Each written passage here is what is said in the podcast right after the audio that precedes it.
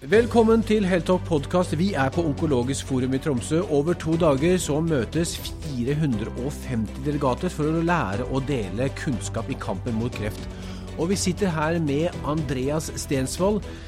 Du er avdelingssjef ved kreftavdelingen på Sykehuset Østfold. Velkommen, Andreas. Tusen takk. Ja. Ja. Du har vært en, og er en veldig tydelig stemme i, eh, for pasienter, ikke minst, men også innenfor eh, den faglige debatten. Hva er det som gjør, Andreas, at du, du eh, tør å ta bladet fra munnen? Jeg tror jeg har vært, alltid vært opptatt av de svake i samfunnet. Eh, hvordan skal vi få mest mulig helse ut av hver krone? Mm. Eh, hvordan skal vi tenke, hvordan skal vi strukturere oss på en annen måte? Mm. Og så tenker jeg Det er også en del av mitt samfunnsoppdrag å drive med pasientopplysning. Eh, og jeg brenner nok eh, litt ekstra for kreftpasientene, og det er derfor jeg ble onkolog, eh, mm. kreftlege. Mm. Og noe av det jeg, som gjorde at jeg kom til Østfold, var jo Der var kreftomsorgen relativt dårlig. Og da har man mulighet til å påvirke og gjøre det faktisk mye bedre for disse pasientene. Mm, mm. Og så, er, så, taper man litt. Man mister noe av forskningen. Det har vi fått til mye i Østfold. Så har det jo skjedd ekstremt mye spennende ute og går. Mm. De siste ti årene så har det jo eksplodert innen eh, fagfeltet mitt. Vi skal komme tilbake til den spennende utviklingen, men aller først, eh, Andreas. Eh, det har skjedd en, en, nyhet i dag. Vi skal bare gå tilbake litt i tid. Steffen Storvik er pasient av deg. Han, eh, har, eh, han fikk diagnostisert spiserørskreft på en privatklinikk Aleris. Ja, eh, det det var, Han fikk påvist i det offentlige og fikk behandling. Mm. Og så hadde man ikke noe mer å tilby, og så valgte han å gå mm. privat. Mm. Og fikk, hadde kjempeeffekt av immunterapi. og så da hadde vi Fram til da hadde vi en tradisjon at det offentlige tok over. Det er flere sykehus som har gjort det. Eh, så gikk han til, tilbake til sitt eget sykehus, og de sa nei flere runder. Mm. Så ble han eh, anmodet om å søke seg til fritt sykehusvalg, og også i Østfold. Og vi gjorde en eh, grundig eh, evaluering, eller vi gjorde en individuell vurdering på han. Og vi tok inn jurist, vi tok inn et kobbel av fagpersoner. Eh, og etiker. Eh, og jeg mener at vi kunne ikke se bort ifra at han hadde kjempeeffekt av behandling. At vi skulle vurdere å gi han behandling, og dette var politisk eh, ekstremt vanskelig, særlig i Helse Sør-Øst. Jeg sto på mitt at jeg mener at dette, dette er behandling vi måtte ta over.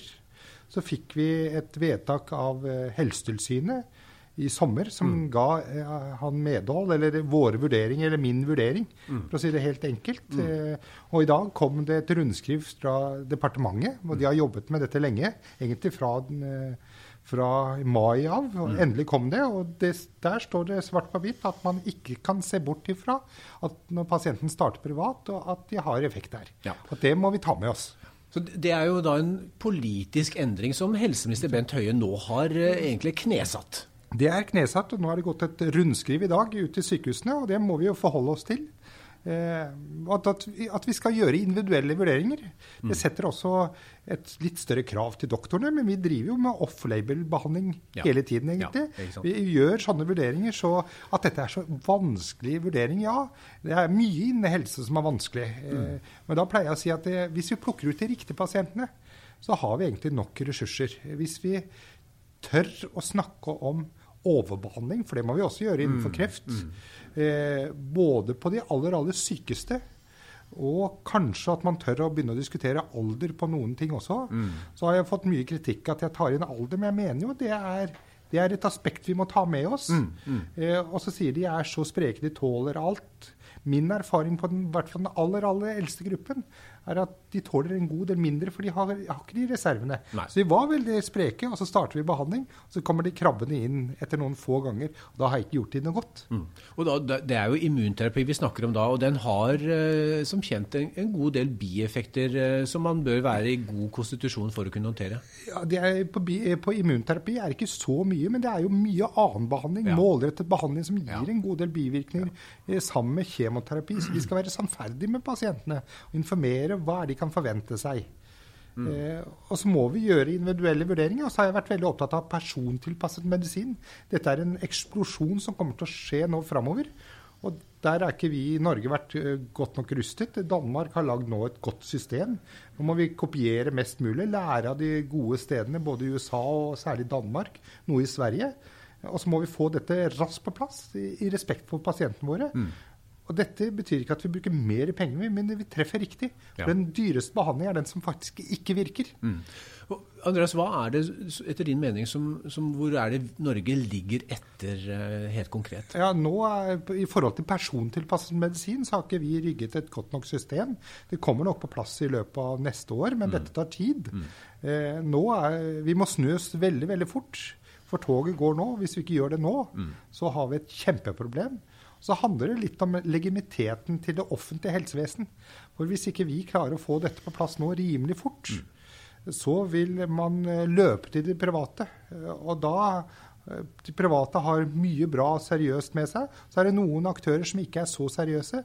Og da kaster vi egentlig penger mm. som pasienten kunne ha brukt i det offentlige. Og så man, stiller man hele tiden spørsmål får jeg dem riktige behandling i det offentlige. Og det er, det er, en vei vi skal være veldig veldig forsiktige, for da mister vi legitimiteten. Mm. Vi, har jo, vi, har jo, veldig sånn solidartanke i Norge i forhold til helsevesen som er godt på, som etter min mening er meget bra.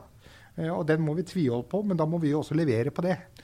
Men det er jo et paradoks at, at pasienter da, kan, som får nei til, til immunterapi f.eks., eller, eller mer avansert behandling eh, i det offentlige, kan gå til det private, betale eh, de første behandlingsrundene selv, og så eh, kaste kortene fordi det er, det, er, selvfølgelig ikke økonomi til å, å drive dette lenger. Man kan ikke pantsette huset mer enn én en gang. Og, og, så går man til offentlig, og så venter man på at det offentlige skal stille opp. Er det, kan man forvente det? Det, det, her tror jeg det er viktig at man skiller. Det er litt komplisert. Mm. Men når det offentlige har sagt nei til behandling, vi har jo Beslutningsforum, når man har sagt nei til det, så mener jeg hvis man starter da privat, så må man stå for hele risikoen selv, for da har man sagt nei i det offentlige. Mm. Men hvis det er sånn at uh, behandling ikke er vurdert i Beslutningsforumet eller det løpet, eller er under vurdering, og de starter privat og de har kjempeeffekt, så klart vi må da ta det inn over oss som en av mange momenter. At skal, dette skal vi ta over. Mm. Det kan jo være pasienter som kommer til Østfold hvor jeg sier at jeg ser at du har effekt, men risikoen nå ved å fortsette behandling er såpass stor, og jeg ønsker ikke å fortsette med det. Mm, mm. det så sannferdig må vi også være, at ja. finner, og at det er, kommer til å bli mange etiske problemstillinger framover. Men det handler jo også om hvordan skal vi prioritere, og helse er en, et verdispørsmål, etter min mening, i hvordan samfunnet skal utvikle seg. Mm. Eh, og, og, at man tør å også diskutere, for vi sløser nok en del penger i det offentlige. Tør å stille krav til det. Ja. Vi har sløst bort mye i forhold til IKT-systemer som ikke fungerer.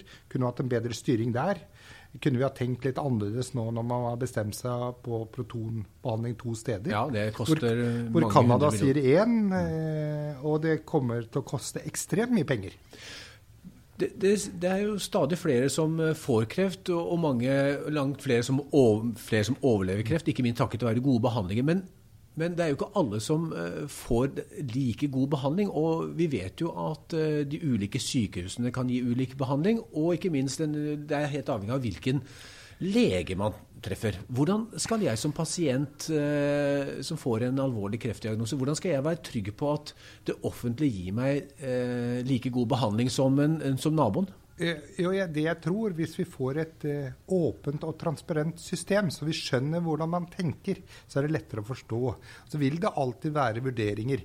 Jeg kan hende at jeg sier nei til behandling, som kollegaen min på et annet sykehus hadde sagt ja til. Det vil alltid være noe individuell vurdering. Mm. Så har vi noe vi kaller uh, nasjonale handlingsprogrammer. Jeg mener jo på sikt at dette bør vi egentlig fase ut og lage, eller forholde oss til europeiske guidelines. Mm. Fordi Særlig i forhold til persontilpasset medisin så klarer vi ikke å holde de nasjonale retningslinjene oppdatert til hver tid. Og det handler litt også for pasientene. Kan jeg stole på at eh, de nasjonale retningslinjene er oppdatert til hver tid? Og det, fram til nå har vi ikke klart til det. Mm. Og dette blir mer og mer komplisert, så jeg dette er kanskje en brannfakkel, men jeg mener jo at der må vi heller bruke ressursene våre på en litt annen måte enn det vi gjør i dag. Mm. Og Hvordan bør vi bruke ressursene, Andreas? Jeg, jeg, tror jo, Når vi ser på hvor mye jobb vi bruker på de nasjonale handlingsprogrammer, at hvis vi sier at dette gjør vi på en mye enklere måte Vi bestemmer oss på, innenfor hver tumorgruppe eh, at her forholder vi oss til de og de amerikanske, de og de europeiske guidelines som ble oppdatert kanskje en gang i halvåret, en gang i året. Så lager vi korte norske synapser på noen få sider. Særlig i forhold til medikamenter som man sier ja eller nei til. Og det er det man behandler ut ifra.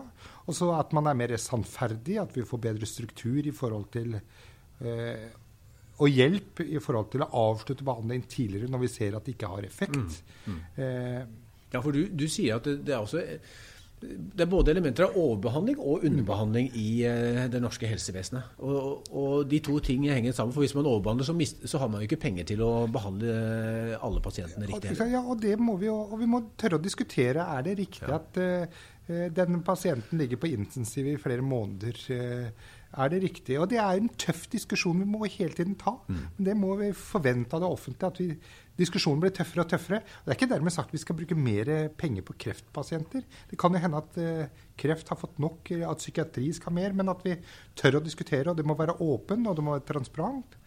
Og jeg blir jo også skeptisk til når man skal nå lovfeste Beslutningsforum. Mm.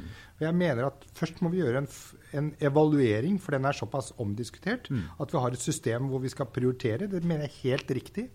Eh, men vi må i hvert fall evaluere den ordning vi har i Norge før vi bestemmer oss og lovfester dette. Mm. Det er ekstremt viktig.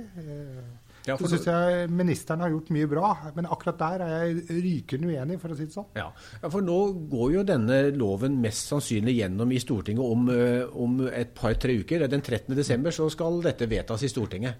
Og alt tyder jo på at Beslutningsforum blir eh, lovfestet. Og det er interessant ikke sant? hvis du spør hver eneste fagperson eller faggruppe, om det er Sykepleierforbundet, Kreftforening eller, mm. eller Legeforening, ja. så er alle høringsinstanser negative. Ja. Alle sier at dette må vi evaluere. Mm. Og hvis du spør hver enkelt fagperson, så sier jeg tror ikke jeg har vært borti en som sier at ja, det er en god idé. Mm. Og Hva mener du er liksom det viktige argumentet mot å lovfeste? Per i dag så tror jeg det er for tidlig å lovfeste, for vi må evaluere først. Mm. Se, Fins det bedre metoder? Mm. Vi må også tørre å se på kost-nytten av prosessen i Beslutningsforum også.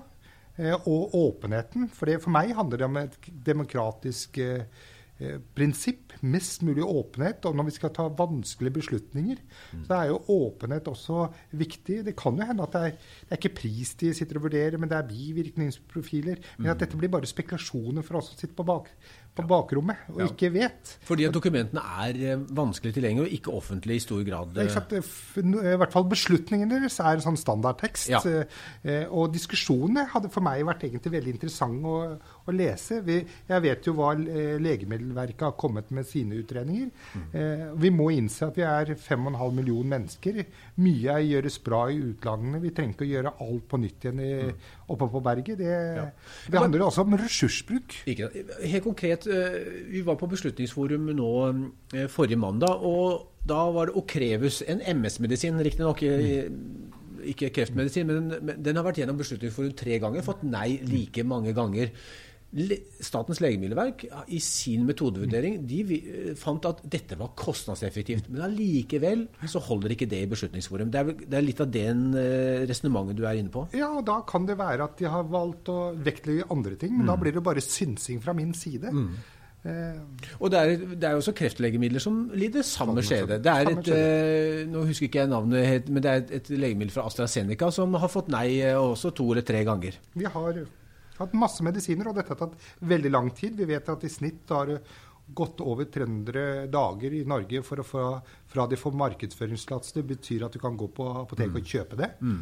Eh, til vi kan få bruke det i snitt i det offentlige. Mm. Og Det er jo også et paradoks. Ja. at Vi sier at vi skal gi rask tilgang på medikamenter. Mm. Ja, Det er ikke det. Danmark har klart å få det ned på 100 dager. Mm. Kanskje vi skal se litt til Danmark, hvordan de har fått til. Ja. Der de har de også fagpersoner inn i vurderingene når de bestemmer seg. Og Danmark har vel også uh, pasienter med i sitt beslutningsforum? Så vidt jeg, sånn, eh, det tilsvarende, eh, eller i hvert fall noe av det, noe av det tilsvarende har de også, ja. pasientene stemme inn der.